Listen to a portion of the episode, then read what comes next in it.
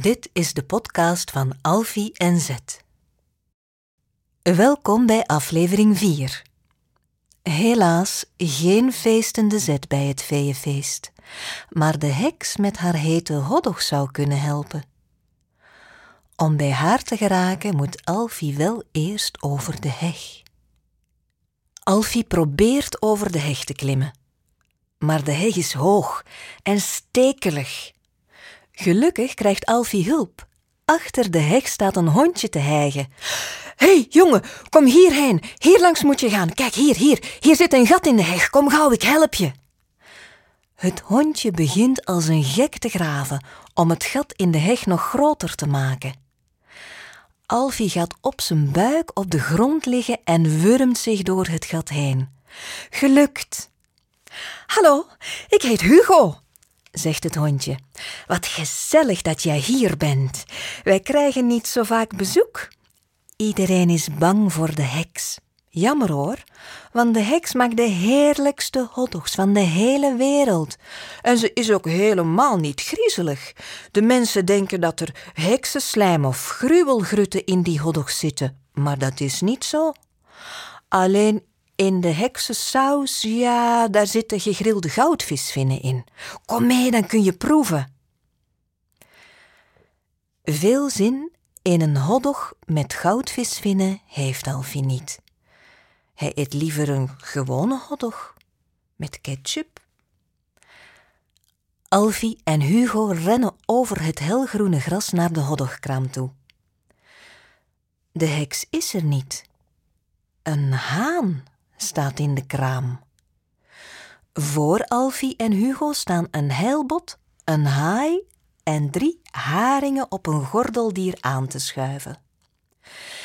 Net als Alfie wil vragen voor mij een hotdog zonder saus alstublieft, bestelt Hugo twee hotdogs met extra veel saus. Alfie gromt in zichzelf. Zeg Hugo, vraagt hij, Waar is die heks eigenlijk? Ik wil haar graag iets vragen. Oh, antwoordt Hugo, meestal hangt ze naast het hondenhok in een hangmat, maar op dit uur van de dag gaat ze uit wandelen met haar giraffe. Pak jij de hotdogs even? Ik breng je naar haar toe. Hugo gidst Alfie. Ze gaan over het gras, langs een hek, door een veld vol graan weer langs een hek, een wei met herten door. Alfie gaat met zijn hotdogs bij een hek staan. Een hert dat tegen het hek leunt, hapt naar adem en zegt: Grote grutjes, wat een gruwelijke geur! Het spijt me, fluistert Alfie. Geeft niks, jongen, ik knijp mijn neus wel even dicht. Blijf gerust staan en geniet van het giraffenspektakel. Alfie ziet een giraf die van een glijbaan glijdt.